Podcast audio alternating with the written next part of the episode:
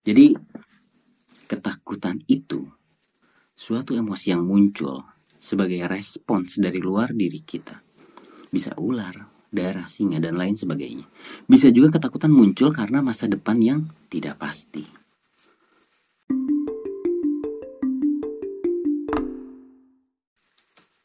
Hai, kembali lagi di Masa Ya Sih Podcast. Selamat malam kawan-kawan. Kawan-kawan di sini bisa banyak ya, bisa kawan-kawan kamu atau kawan-kawan aku. Pokoknya kawan-kawan semua. Selamat lah, mau selamat malam, selamat pagi, selamat sore, pokoknya selamat datang. Masa ya sih podcast bakal ngebahas tentang pertanyaan-pertanyaan di dalam pikiran kamu yang kira-kira sulit untuk dijawab atau mungkin menambah kamus pertanyaan kamu. Oke, jadi saya punya temen nih pernah cerita hmm, belakangan dia punya masalah ketakutan dalam dirinya. Dia itu takut sama ular. Ada nggak sih di sini yang takut sama ular? Kenapa sih bisa timbul rasa takut? Ini saya baca di Wikipedia ya. Jadi sumber sumbernya tidak kredibel dan bisa diedit-edit sendiri. Kalau kata Wikipedia mah ketakutan adalah suatu tanggapan emosi terhadap ancaman. Jadi ini merupakan emosi dasar kita, kawan. Emosi ini merupakan salah satu yang primitif, seperti kebahagiaan, kesedihan, dan kemarahan.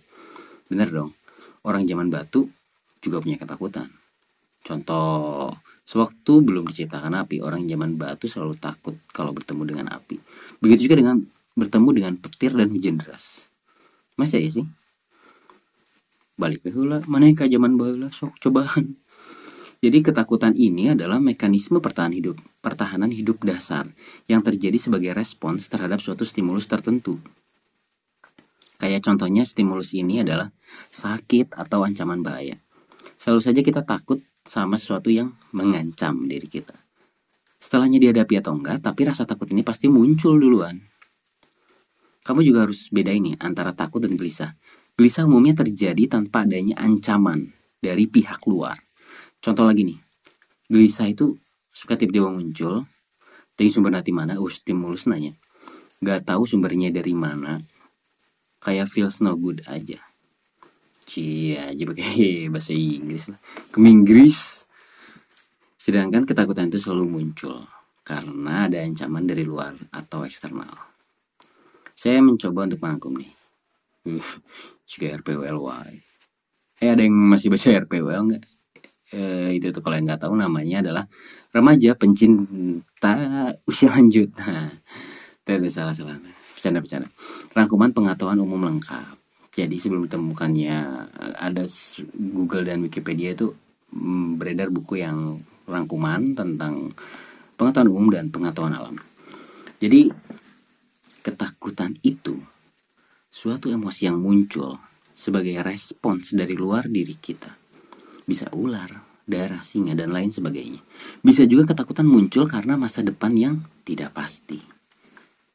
Masa ya sih? Nah ini nih, ini, ini, ini. Kamu kan biasanya takut nih dengan hari-hari esok, pasti adalah.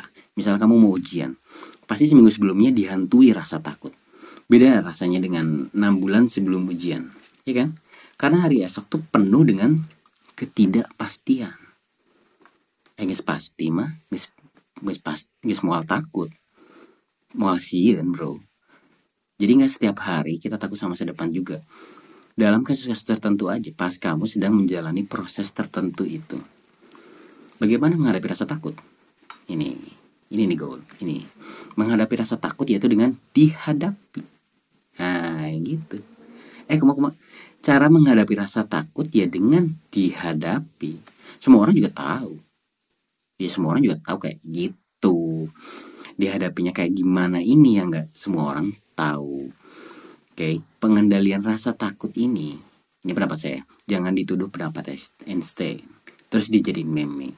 Pengendalian rasa takut itu dengan cara mencari informasi tentang objek yang kita takuti.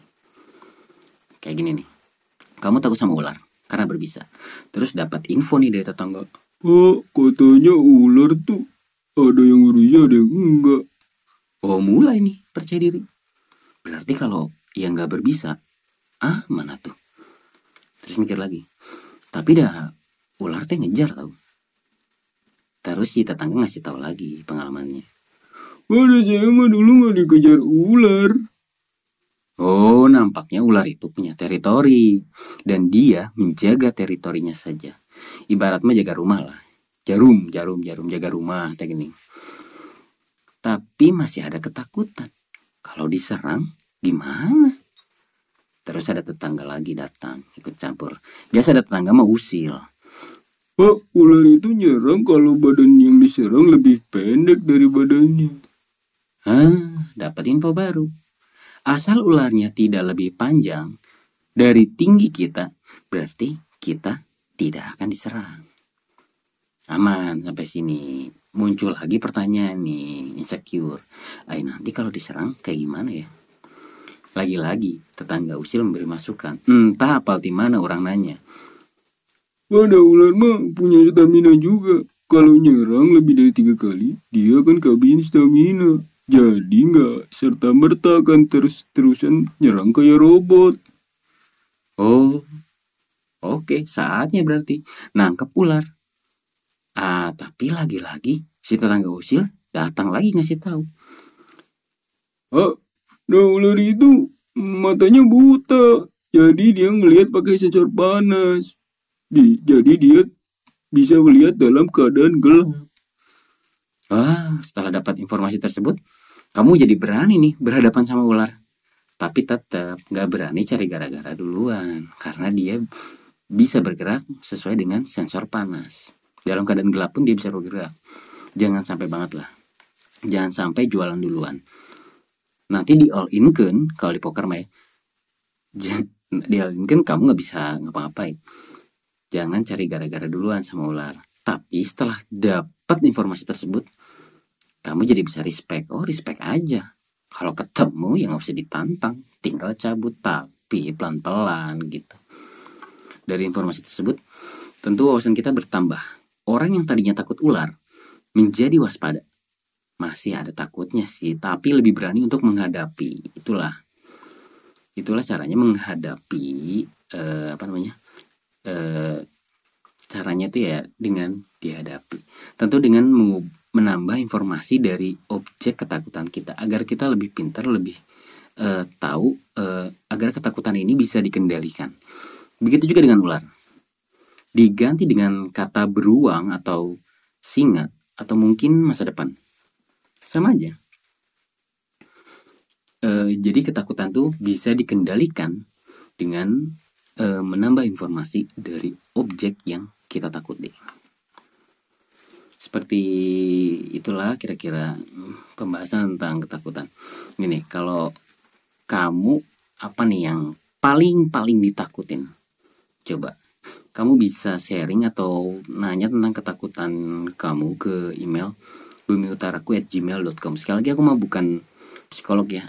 Aku di sini cuma pingin uh, bercerita, bertukar monolog, mungkin tidak berdialog ya, bertukar monolog saja jangan lupa main ke Instagram aku di search aja bumi spasi utara atau at afardi boleh juga bantuin kirim ide untuk apa yang mau dibahas di next episode thanks juga buat Mas Adis yang lagi-lagi ngerapin podcast ini.